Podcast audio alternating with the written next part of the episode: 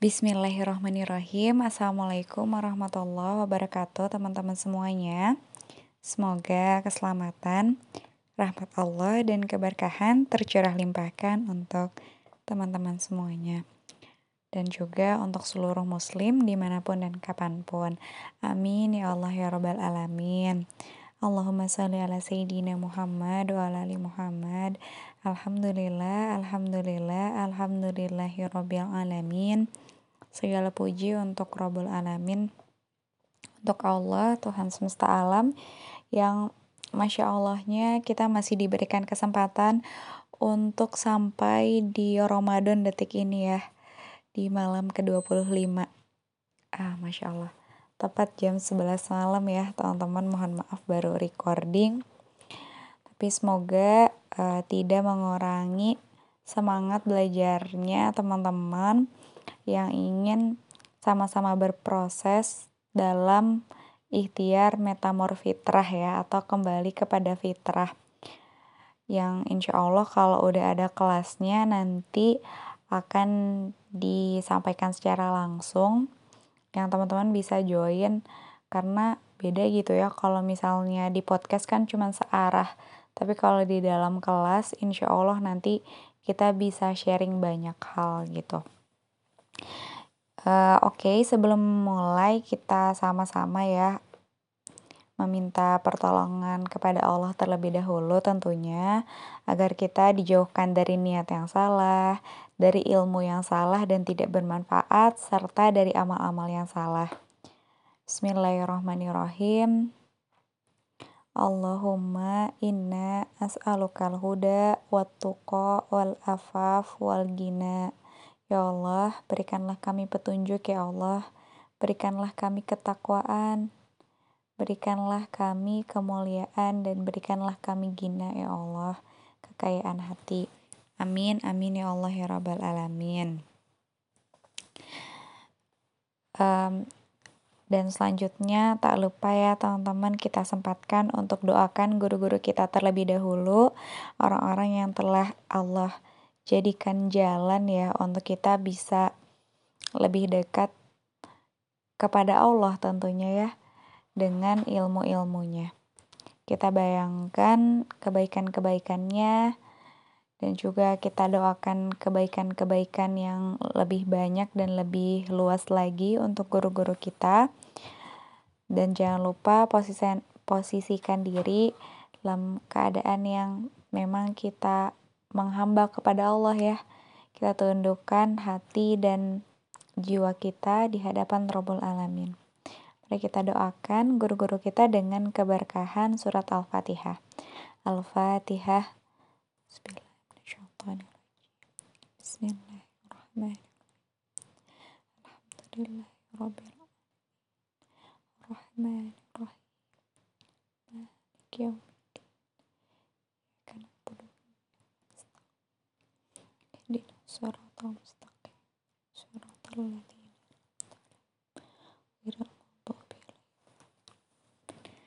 Amin ya Allah ya Rabbal Alamin. Baik teman-teman semuanya, dalam uh, sama-sama ikhtiar ya untuk memaksimalkan malam ke-25 ini ya. Bismillah malam ganjil nih teman-teman, semoga bisa dimanfaatkan setiap detiknya. Uh, insya Allah kita masih berada di bab ketiga atau materi ketiga uh, yang berkaitan dengan mendidik dengan cinta dan kasih sayang. Setelah kemarin kita sudah membahas cinta lahir dari rasa syukur, baik sangka dan optimisme. Insya Allah pada kesempatan kali ini judulnya agak panjang tapi sama-sama pelan-pelan kita maknai. Cinta itu lahir dari keindahan, ya poin pertama keindahan, kemudian kelemah lembutan, kebaikan, dan perhatian yang tulus. Masya Allah.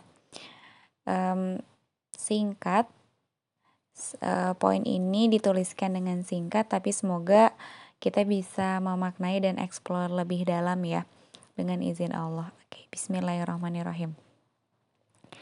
Cinta datang dari keindahan. Maka segala hal yang berhubungan dengan keindahan perlu kita hadirkan dalam diri kita, dalam rumah kita, dan dalam kehidupan kita. Kita juga bisa mengambil keindahan dari luar rumah kita dengan melakukan berbagai kegiatan yang rekreatif di alam ataupun aktivitas menikmati karya seni. Cinta juga datang dari kelemah lembutan dan kebaikan. Allah tidak menyukai orang yang kasar. Allah selalu memberi tuntunan agar kita menjadi insan yang penuh dengan kelembutan. Kita perlu melakukan banyak kebaikan, karena kebaikan akan berbuah doa. Doa inilah yang kemudian akan melahirkan kelembutan, cinta, dan kasih sayang. Kita perlu menghilangkan kebiasaan melakukan kebaikan karena imbalan kita perlu hindari melakukan kebaikan sambil berpikir, apa ya balasan yang akan kita dapat? Hal yang lebih penting, imbalan dalam melakukan kebaikan adalah balasan berupa doa. Terkadang, atas nama profesionalitas, seseorang menetapkan harga dari pekerjaan atau kebaikan yang akan dikerjakannya.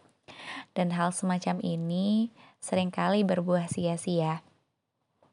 Sesungguhnya kebaikan yang kita lakukan akan berbuah kekayaan, kekayaan baru jika kita ikhlas karena Allah. Kebaikan-kebaikan yang kita lakukan harusnya hanya perlu mengharap pamrih dari Allah. Balasan terbaik dari Allah di akhirat. Masya Allah. Ya, sekian aja bahasan dari judul kita yang sangat-sangat Masya Allah ya. Cinta lahir dari keindahan, kelemah lembutan, kebaikan, dan perhatian yang tulus. Jadi kompleks sekali bahasan kita pada kesempatan kali ini. Tapi mungkin poin yang di highlight, aku akan meng-highlight poin terakhir aja ya teman-teman terkait ketulusan.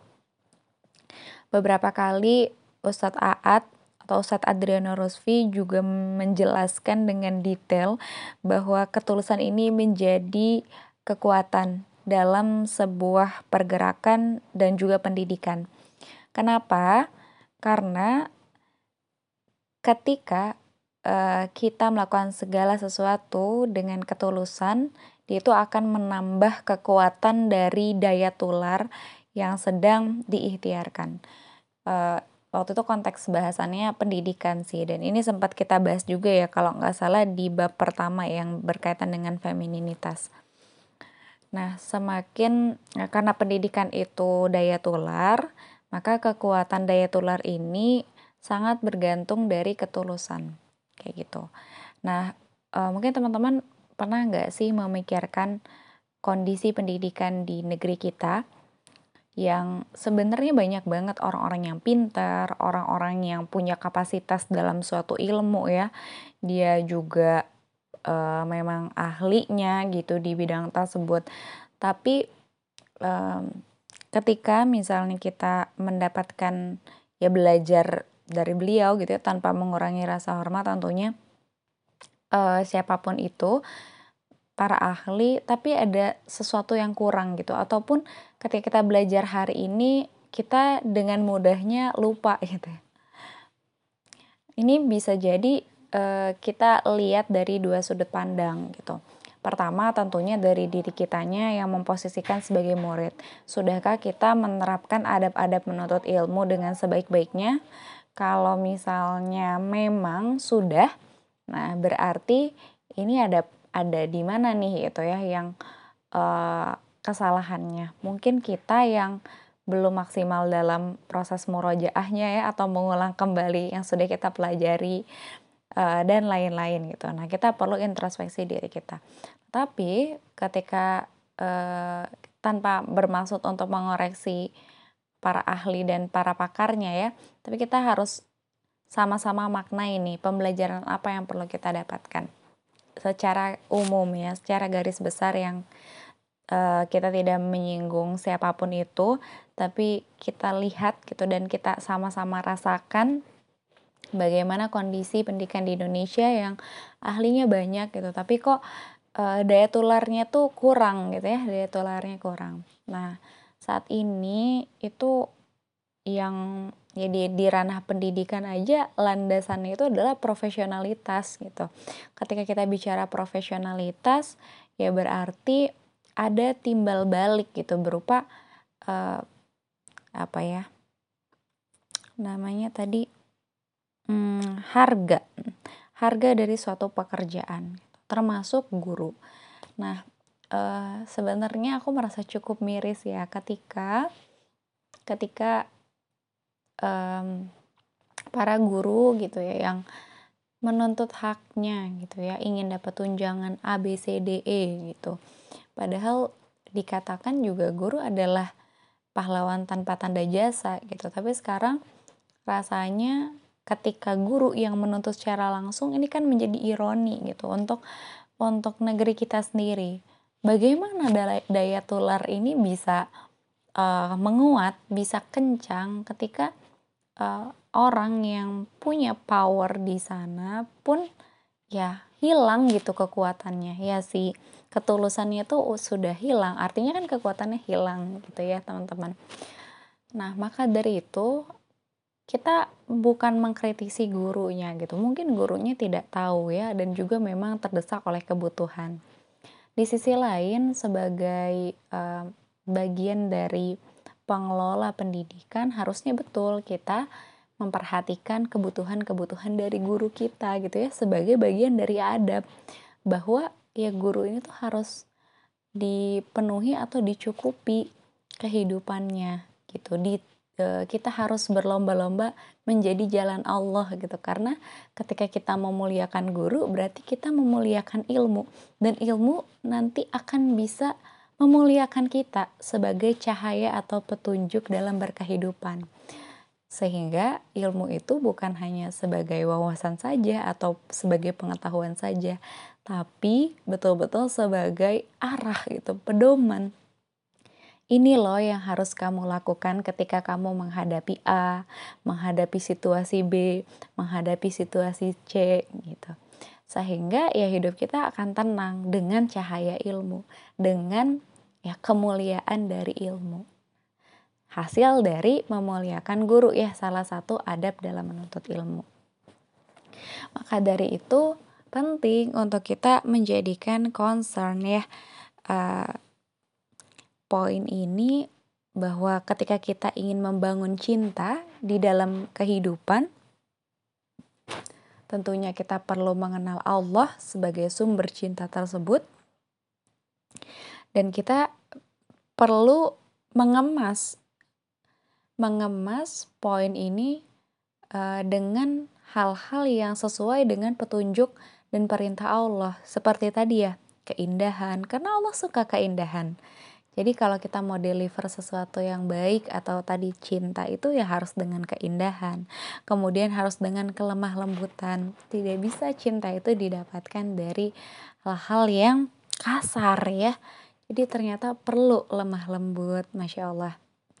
Kemudian juga perhatian yang tulus. Ya tadi yang paling di highlight poin tentang ketulusan karena di zaman ini sulit sekali kita mencari orang-orang yang tulus.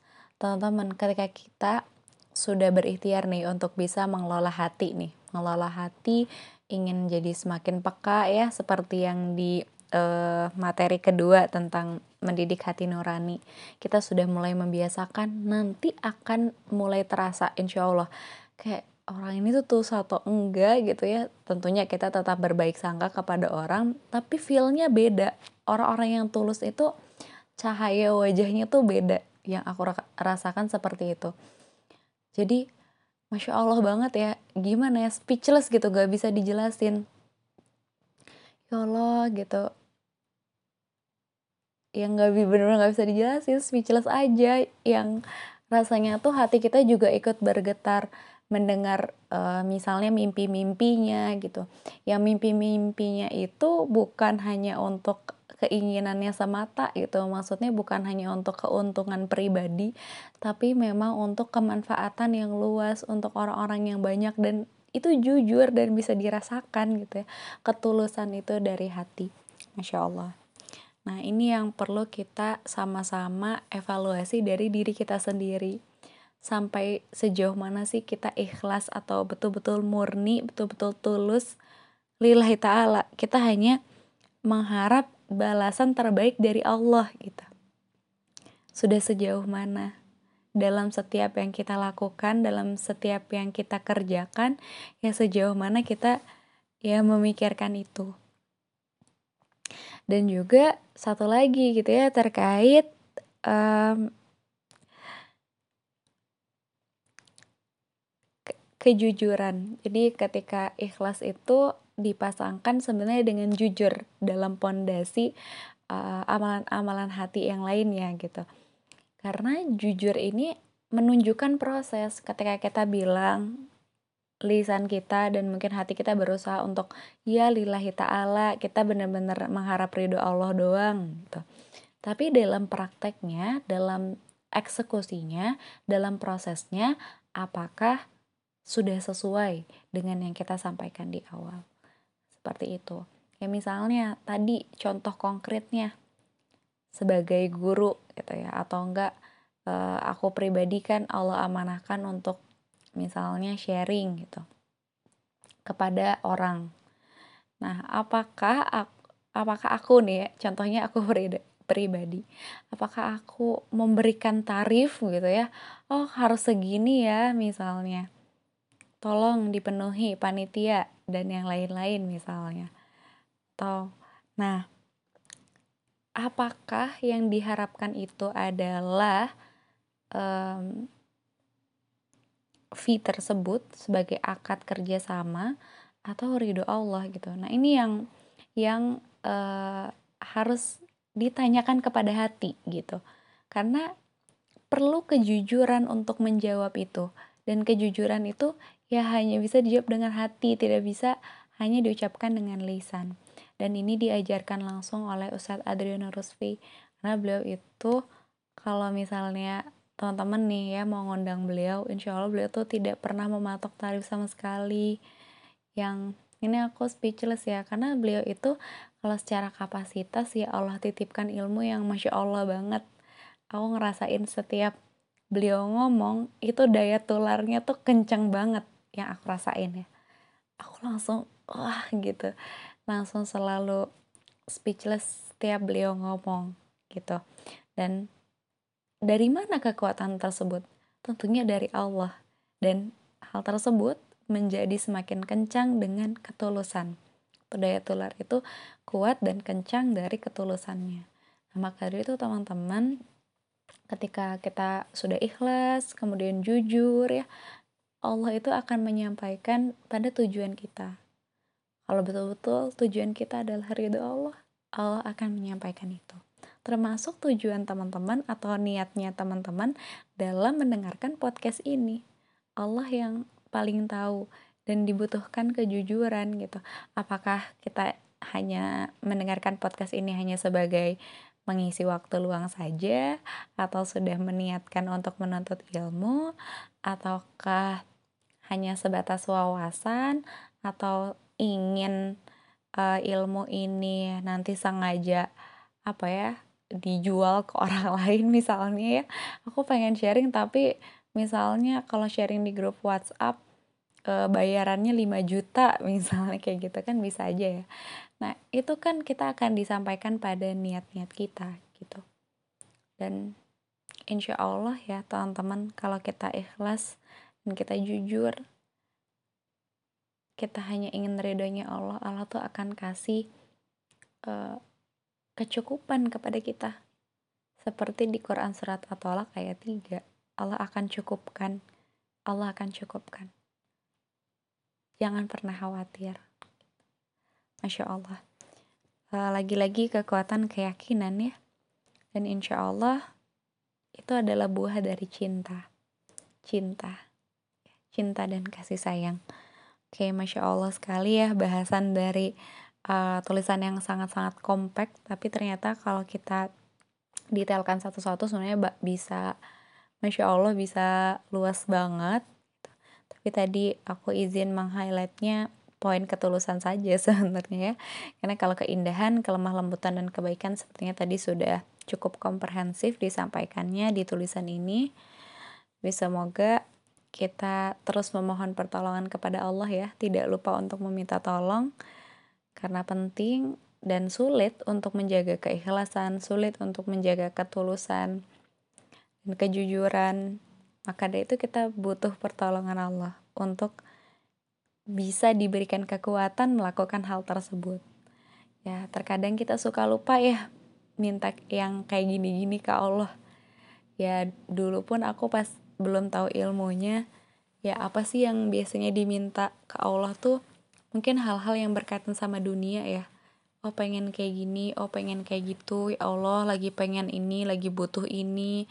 Mungkin hal-hal itu aja yang diminta ke Allah. Tapi kalau kata Ustadz Nuzul Zikri, sebenarnya hal yang paling penting untuk kita mintai kepada Allah adalah hal-hal yang berkaitan dengan ibadah kita, dengan utamanya dengan ibadah hati kita. Gitu. Ya hal-hal yang paling sulit kan, yang paling esensi itu niat, ya kan? Betapa sulitnya kita menjaga niat, gitu. keikhlasan. Itu sulit sekali. Kita minta kekuatan untuk bisa uh, sabar, gitu kan? Untuk bisa jujur, itu penting banget. Ya jangan lupa untuk meminta pertolongan kepada Allah ya. Oke sekian mungkin yang dapat disampaikan di episode kali ini. Semoga teman-teman semakin semangat ya untuk bisa uh, belajar akhirnya bisa menggali cinta dan kasih sayang sehingga bisa menerapkan di uh, kehidupan sehari-hari ya mulai mencintai dari diri sendiri, kemudian juga keluarga, lingkungan sekitar. Kita berikan cinta dan kasih sayang, sehingga nilai-nilai kebaikan atau value-value yang kita pelajari terkait kebaikan tuh bisa terdeliver dengan lebih luas lagi yang kita tuh mungkin nggak tahu gitu ya efeknya itu uh, bisa dalam banget gitu ya mungkin belum luas tapi bisa dalam sekali ke dalam diri seseorang gitu misalnya kita nggak tahu ya. Insya Allah kita lagi-lagi terus minta tolong kepada Allah. Semoga Allah ridho semoga Allah terima proses belajar kita uh, malam hari ini dan semangat untuk memaksimalkan detik-detik terakhir bersama Ramadan. Semoga kita husnul khatimah di Ramadan ini karena setiap ibadah itu bergantung pada akhirnya ya. Di semangat ya teman-teman. Wallahu alam Wassalamualaikum warahmatullahi wabarakatuh.